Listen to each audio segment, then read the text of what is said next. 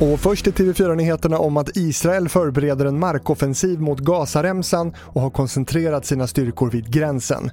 Trots omvärldens vädjanden till både Israel och Hamas om nedtrappning och ett slut på våldet så tyder det mesta på att konflikten trappas upp.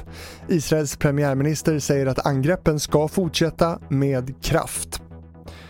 Liberalerna vill utreda ett förbud mot kusinäktenskap. Enligt partiet har kusingifte ofta kopplingar till tvångsäktenskap och hedersrelaterat förtryck.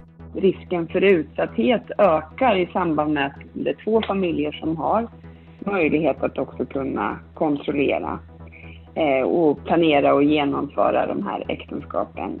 Det sa Liberalernas partisekreterare Juno Blom. Och till sist kan jag berätta att i sommar öppnar Grekland upp för utländska besökare trots att sjukhusen är fulla av covidpatienter med ett tiotal dödsfall varje dag, skriver TT.